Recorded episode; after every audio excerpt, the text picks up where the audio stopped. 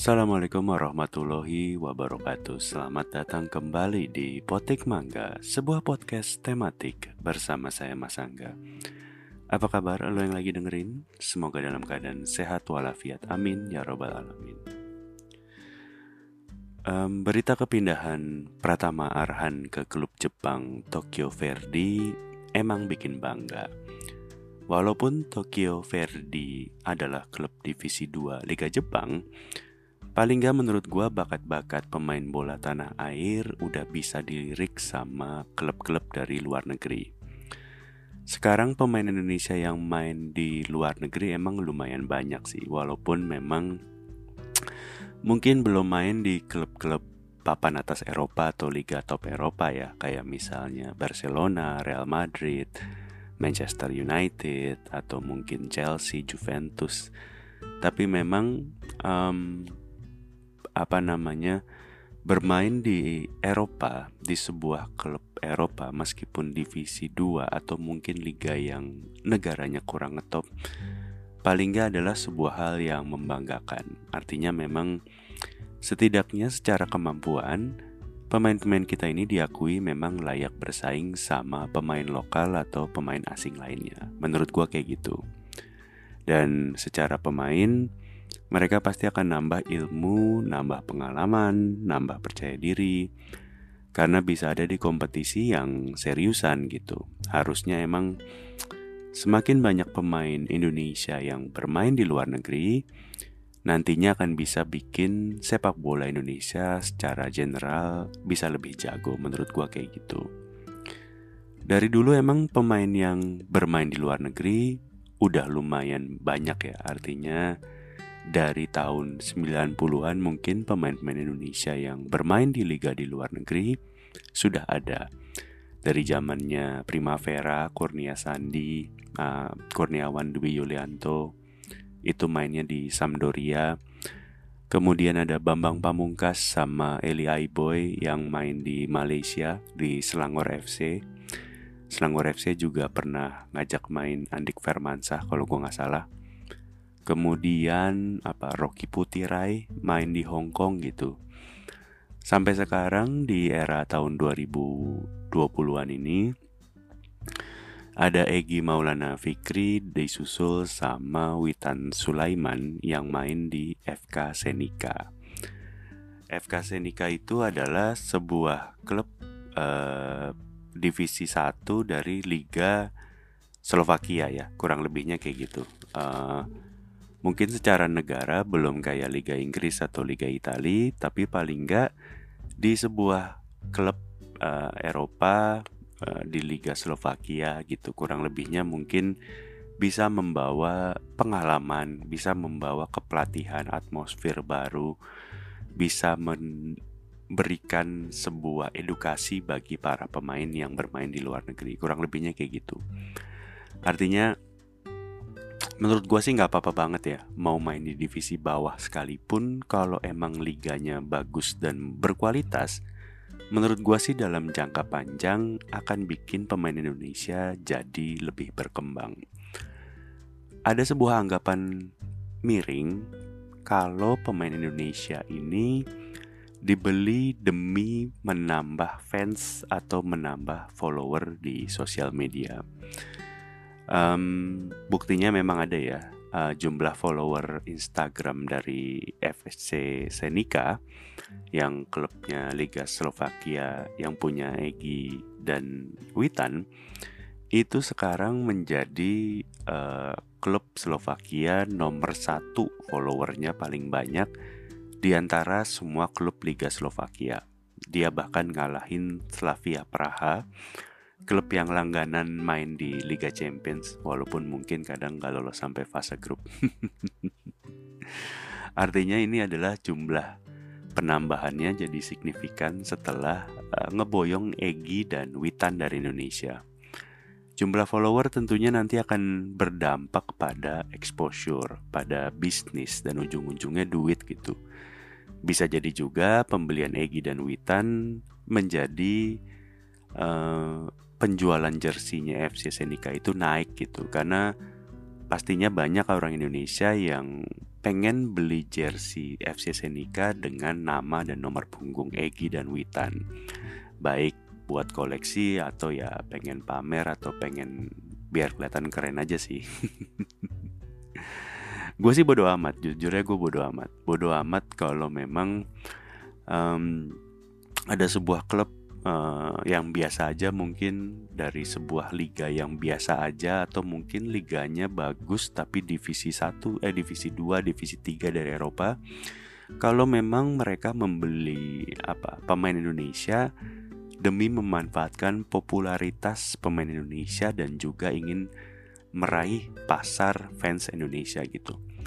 Artinya mungkin saran gue kalau memang ada klub Eropa mau bangkrut nggak punya duit lagi mending beli klub eh mending beli pemain Indonesia kali ya supaya paling nggak bisa jualan endorse jualan jersey jualan konten. Lumayan lah buat nambah duit. Paling nggak yang nonton menurut gue sih di ratusan ribu ada yang beli jersey di angka ribuan ada. Followernya nambah puluhan ribu menurut gue ada gitu. Artinya memang Ketimbang klub lo bangkrut, mendingan lo beli pemain Indonesia dan manfaatkan pemain Indonesia untuk exposure-nya. Buat gue sih nggak apa-apa selama timbal baliknya si pemain efeknya jadi main terus. Artinya kalau dia main terus kan dia nggak mungkin jadi cadangan karena secara exposure pasti jelek. Otomatis si pemain akan main terus. Dan ketika si pemain main terus, otomatis dia akan dilatih jadi hebat, jadi bermain yang bagus. Nah nantinya kan kalau dia main bagus secara klub berprestasi nggak cuma nambah follower atau nambah jualan jersey doang Nantinya klub-klub ini atau klub-klub lainnya itu akan ngelirik pemain Indonesia. Atau si pemain Indonesia itu sendiri nilainya akan bertambah sehingga nanti bisa dilirik sama klub lain yang mungkin lebih bagus divisinya atau lebih bagus namanya. Kurang lebihnya kayak gitu sih. Jadi buat gue kalaupun awalnya niatan awalnya cuman pengen biar jualan jersey atau naikin follower Instagram tapi kalau si pemain itu bisa beneran ngebuktiin diri kalau emang jago ya menurut gue ke depannya sih pasti akan berdampak bagus ya buat sepak bola Indonesia secara keseluruhan gitu. Tapi memang um, sepak bola Indonesia uh, menurut gua timpang ya. Timpang itu dalam artian sepak bola putri sama sepak bola yang cowok yang putra emang jauh banget apa namanya perhatiannya. Ketimpangannya tuh terasa. Walaupun emang sih uh, kecuali beberapa olahraga kayak badminton kayak angkat besi atau mungkin lari atau renang gitu ya Kayaknya hampir semua cabang olahraga di Indonesia ada ketimpangan antara putra dan putri. Um, lo masih inget Piala Asia Putri atau AFC Women Asian Cup 2022 bulan Januari Februari kemarin? Timnas Putri Indonesia mencatatkan beberapa rekor dan sejarah kemarin di putaran final Piala Asia Putri 2022. Sayangnya memang nggak semua rekor dan sejarahnya adalah rekor yang baik ya. Secara rekor baik ini adalah kali pertama timnas putri Indonesia masuk ke Piala Asia sejak tahun 1989 kalau nggak salah. Alias sudah 33 tahun timnas putri Indonesia tidak pernah masuk ke putaran final Piala Asia Wanita. Tapi rekor buruknya itu di putaran final babak belur sama lawan-lawannya satu grup gitu. Boro-boro lolos grup, Indonesia bahkan gak dapat poin sama sekali. Bahkan gak cuma gak dapat poin, timnas putri kita bahkan tidak mencetak gol sama sekali di putaran grup. Putaran grup. tiga kali main, tiga kali kalah, tiga-tiganya tidak mencetak gol sama sekali. Mungkin lo masih ingat kekalahan terbesar sepanjang masa buat Indonesia sekaligus rekor di Piala Asia di mana timnas putri Indonesia kalah 18-0 dari Australia. Emang bangsat tuh Ozi-Ozi keparat itu ya. Menurut gue kayaknya Ozi-Ozi yang kemarin ngebobolin sampai 18-0 itu nggak ada takut-takutnya gitu nggak takut digebukin apa bule-bule Ozi itu pada saat mereka lagi main-main di Legian lagi santai di Canggu nanti kalau mereka ke Bali dan nggak bisa sewa motor metik gocap aduh gimana nih bule-bule ini? Nggak ada takut-takutnya. Tapi emang Australia ini menurut gua um, apa ya? Australia itu kayak semacam punya inferiority complex menurut gua. Inferiority complex itu kayak gini. Uh, maksud gua adalah Australia itu kayak anak bungsu yang kurang perhatian karena dia tuh kayaknya letaknya jauh di selatan nggak punya temen. Kalau mau main ke rumah temennya jauh gitu ya. Teman-temannya tuh maksud gua kayak Inggris Amerika gitu. Australia itu kan jauh tuh dari mereka gitu. Makanya Australia itu kayak pengen bikin sensasi yang bikin seluruh dunia tuh nengok ke dia gitu Makanya kalau lu mungkin inget dulu Australia juga pernah menang 31-0 lawan Samoa Amerika. Itu penyisihan uh, kualifikasi Piala Dunia kalau nggak salah. Gue lupa Piala Dunia tahun berapa. Tapi intinya menang 31-0 itu kayaknya itu gue yakin lawannya bukan pemain profesional pasti pemain pemain Samoa Amerika itu kesehariannya ada yang tukang kebun petani, montir gitu. Kebetulan aja pada suka main bola tiap minggu eh diajakin main kualifikasi Piala Dunia gitu. Karena ya sama Amerika mungkin penduduknya nggak banyak, apalagi para atlet sepak bolanya nggak ada gitu. Ya alhasil kalah 31-0. Uh, ada pemain Australia namanya Archie Thompson di pertandingan itu dia mencetak 13 gol. Udah gila emang Ozzy ini anjing. Uh, balik ke tadi 18-0 kita dikalahkan sama Australia. 18-0 itu memang skor yang banyak banget. Buat lo yang gak ngerti-ngerti bola 18-0 itu beneran ada 18 kali kebobolan 18 kali bola masuk ke kiper timnas Indonesia. Gak kayak basket yang poinnya 2 atau 3 Gak kayak American football yang poinnya 6 18-0 itu beneran 18 kali kebobolan Main bola itu ya, sepak bola itu 2 kali 45 menit alias 90 menit. Indonesia kebobolan 18 kali. Artinya setiap 5 menit sekali kebobolan. Artinya setiap 300 detik sekali itu kebobolan gitu.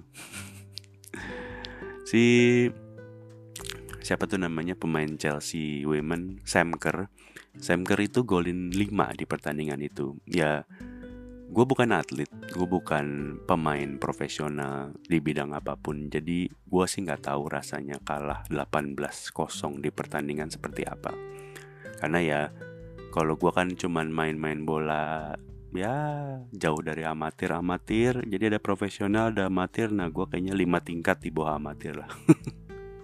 paling main sama temen-temen. Kalau kompetisi pun antar apa antar kelas antar fakultas atau antar jurusan di kampus gitu artinya.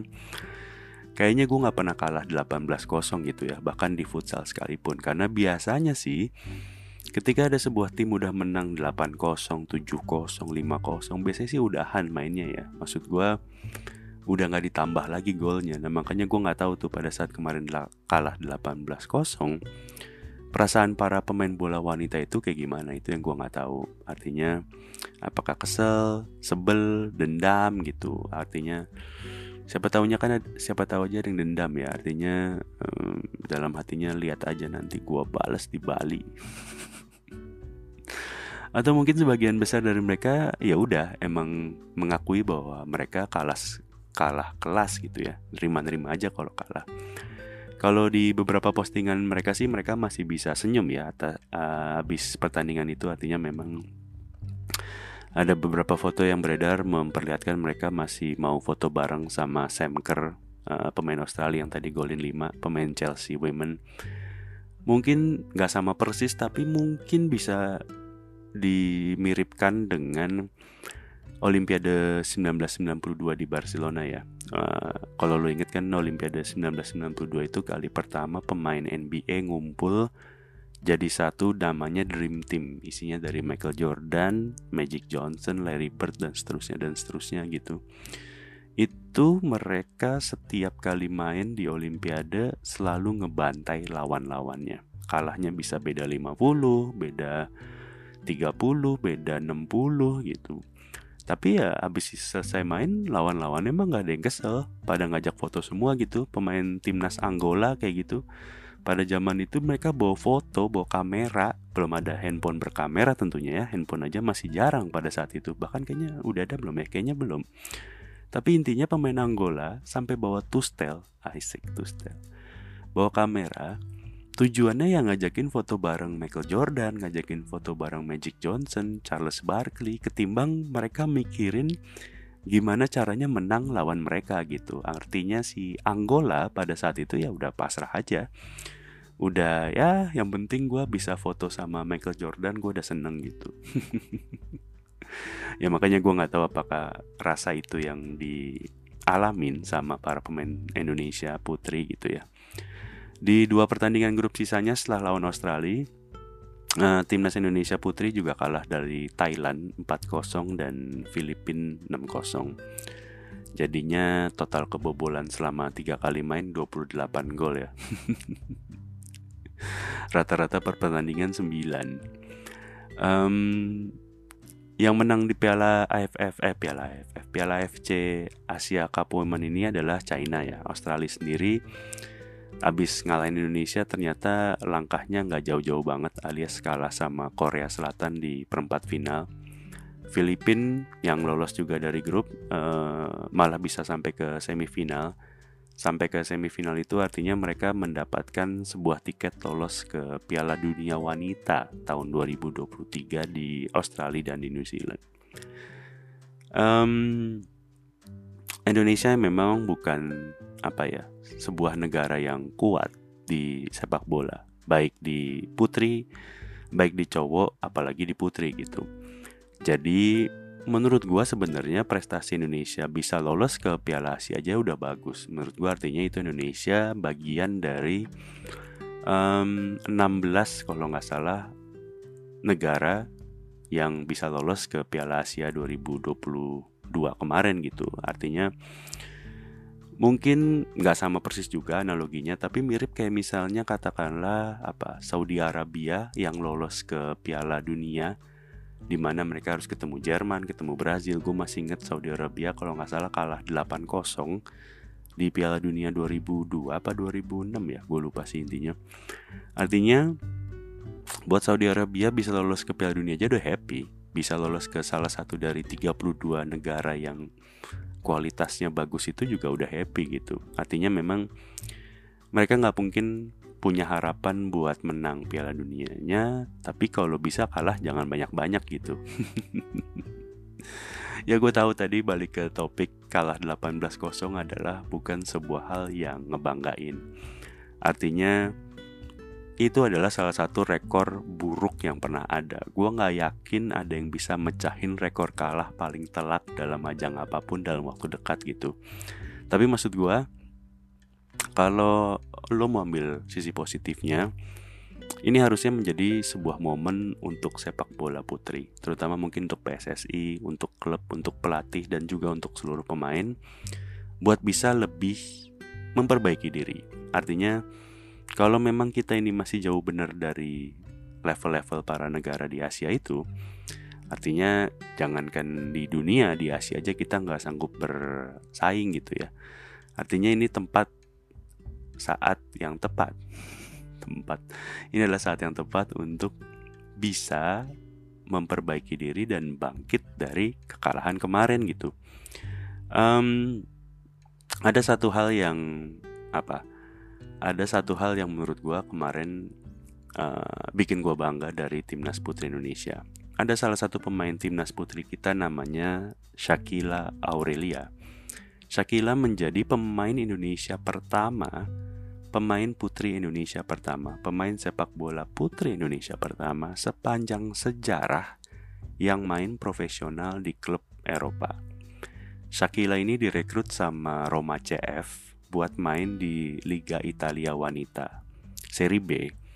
Emang si Roma CF ya, si Seri B ini. Walaupun memang Seri B ya nggak masalah buat gue udah keren aja menurut gue sih kayak gitu. Jadi memang jadi perempuan pemain bola profesional pertama yang bisa main di Seri B di luar negeri itu menurut gue sih udah keren banget ya. BTW buat lo yang suka bola terutama Serie A Liga Italia, Roma CF di Serie B Italia ini beda sama AS Roma yang cowok ya. Jadi jangan ketukar. Jadi buat lo yang mungkin masih belum move on dari tahun 2000-an di mana AS Roma juara Liga Italia, masih ngefans sama Roma, masih ada poster Francesco Totti di kamar lo gitu, ada Gabriel Batistuta. Nah, ini bukan Roma yang itu si AS Roma yang itu juga punya tim cewek sekarang main di Serie A Liga Italia yang cewek. Cuman yang klubnya Sakila Aurelia ini Roma CF CF-nya itu Calcio Feminil kalau nggak salah. Gue baca sih Roma CF ini bahkan udah ada dari tahun 60-an ya bahkan termasuk klub awal yang ikutan uh, Liga Calcio Feminim waktu awal-awal. Kalau AS Roma yang cewek itu bahkan baru ada di tahun 2010-an gue lupa baru dah intinya. Soalnya dia kayak ngebeli klub yang baru bangkrut gitu dan diganti namanya jadi AS Roma cewek. Gue lupa sih persisnya gimana.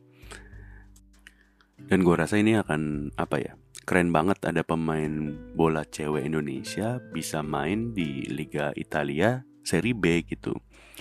Kenapa menurut gue keren? Jadi gini perbandingannya. Ini gue nggak ngomongin masalah gender ya. Gue nggak membandingkan antara cewek dengan cowok tapi lo coba lihat dari sudut pandang kayak gini. Ketika si FC Senika ngerekrut Witan Sulaiman atau misalnya Tokyo Verdi beli Pratama Arhan, itu karena mereka berdua emang uh, pemain yang bersinar ngebawa Indonesia masuk ke Piala AFF uh, eh, tahun 2020 kemarin. Artinya sorotan atau penampilan mereka pasti sedikit banyak viral lah banyak diliput sampai mungkin ke luar negeri di Asia gitu negara-negara Asia. Salah satunya juga mungkin karena ada pelatih Sinteyong yang juga mantan pemain. Dan pelatih timnas Korea Selatan itu bikin uh, timnas Indonesia sepak bola Indonesia itu sedikit banyak diliput sama media asing terutama di Korea Selatan.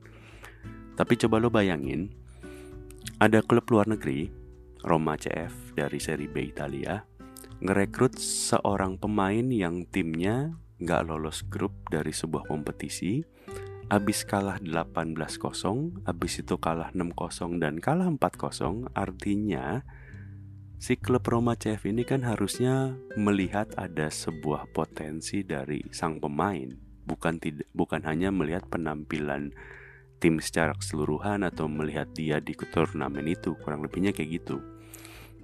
Dan si Sakila ini Shakila ini posisinya back, uh, back tengah, back kanan gitulah. Artinya kalau secara kasat mata kita ngelihat ada sebuah klub yang mau ngerekrut pemain bertahan yang timnya kebobolan 28 gol dalam tiga pertandingan. Artinya menurut gua Shakila ini emang spesial di mata Roma CF. Artinya um, kalau lo lihat dari sudut pandang lain juga banyak pemain jago yang timnya culun. Artinya um, George Weah kalau lo tahu dulu pemain AC Milan tahun 90-an itu negaranya Liberia. Culun banget tapi dia secara permainan jago gitu bisa bawa AC Milan juara. Atau misalnya Lionel Messi deh Lionel Messi itu di Barcelona kan jago banget, tapi ketika dia di timnas Argentina prestasinya nggak terlalu banyak. Baru kemarin menang Copa America, tapi sebelum-sebelumnya belum pernah menang piala apa pun gitu. Emang sih kalau ngebandingin culunnya Argentina dengan culunnya timnas Indonesia memang dua hal yang berbeda culun ya. tapi lo ngerti lah maksud gue artinya memang ini adalah sebuah bukti bahwa pemain bola cewek kita sesungguhnya punya potensi, punya kemampuan individu, punya sesuatu yang bisa ditawarkan. Artinya, secara individu mungkin mereka bisa membuat klub-klub asal Eropa di di sana melirik kualitas pemain timnas putri kita gitu. Bahwa mereka punya kemampuan individu, punya sesuatu yang bisa ditawarkan. Kalaupun emang Roma CF ada niatan buat jualan jersey atau naikin exposure mereka doang dengan merekrut Sakila, kenapa nggak mereka merekrut pemain yang uh, exposure-nya bisa lebih besar, jumlah follower di Instagramnya lebih besar. Pemain Indonesia putri paling top saat ini kalau gua nggak salah adalah Zahra Musdalifa. Coba lo cek Instagramnya Zahra Musdalifa. Itu followernya mungkin udah nyaris sejuta atau mungkin udah sejuta pada saat lo mendengarkan episode ini. Kemarin sih gue sempat lihat di 900 ribuan sekian lah, gue lupa. Kalaupun emang gitu niatan si Roma CF, kalau emang dia pengen membeli pemain Indonesia dengan harapan bisa memperlebar follower, bisa menambah jualan jersey, balik lagi selama emang dia ngasih latihan, ngasih pengalaman atau ngasih semua hal-hal yang sifatnya teknis bola lah. Artinya uh, pemain Indonesia Sakila tetap bermain 90 menit dikasih latihan walaupun diliput dikasih sorotan kamera terus menerus selama memang itu bukan cuman konten doang tapi beneran dilatih ya menurut gua sih nggak apa-apa.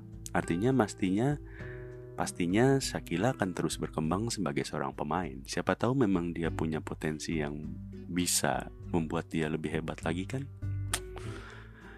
Yang pasti menurut gue Shakila walaupun yang pertama jadi pemain Indonesia putri yang bermain di luar negeri, Shakila pastinya bukan menjadi orang terakhir yang bermain di luar negeri, terutama untuk sepak bola putri wanita ya.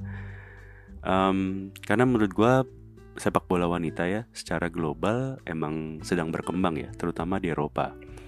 Sekarang hampir semua tim besar Eropa yang cowok udah punya tim ceweknya gitu. Jadi secara exposure pun uh, dari yang cowok itu bisa ngebantu tim yang cewek supaya bisa lebih dikenal orang.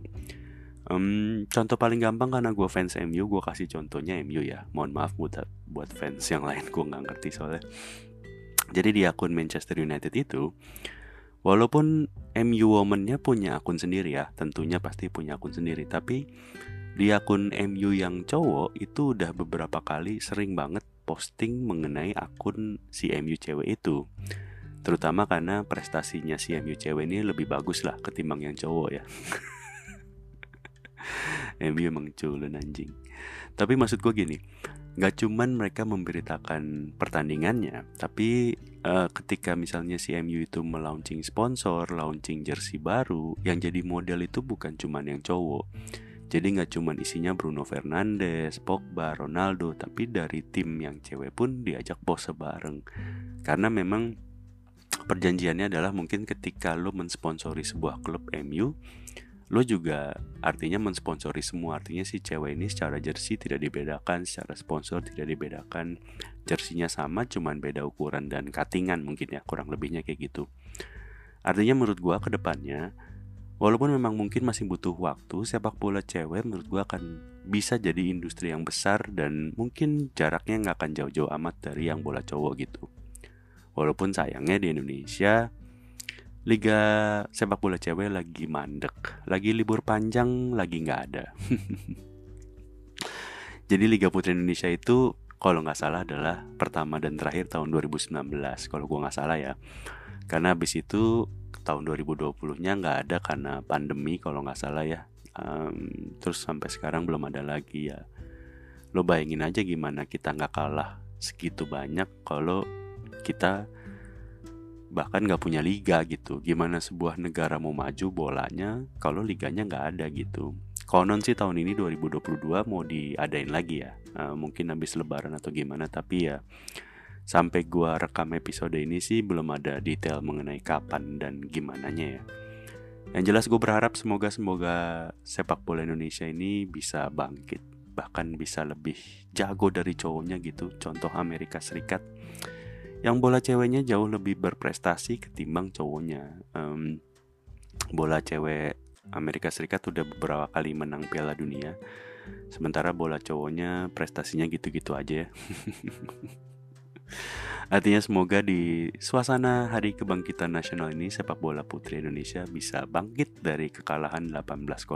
Ya gue tahu 18-0 itu mungkin gak akan bisa kita hapus dari sejarah. Gue gak yakin ada sebuah negara yang lebih blow on dari Indonesia. Kalah dari Australia 18-0, gue gak yakin itu ada dalam waktu dekat. Jadi ya meskipun nanti ada timnas yang lebih blow on dari kita, kalah lebih dari 18 gol, tapi menurut gue sejarah kelam akan terus tercatat ya. 18-0 itu akan terpatri selamanya dalam sejarah bola Indonesia.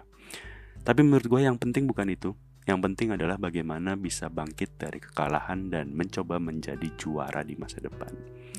Brazil aja pernah kalah 7-1 di kandang di semifinal Piala Dunia. Tetap diakuin sebagai pemenang Piala Dunia lima kali. Artinya percayalah orang akan ingat yang bagus dari sebuah tim ketimbang jeleknya. Stephen Curry akan diingat kalau dia shooter paling jago yang pernah ada di sejarah NBA. Nggak ada yang ingat kalau dia gagal 60% dari semua tembakan yang gak semua tembakan yang berhasil.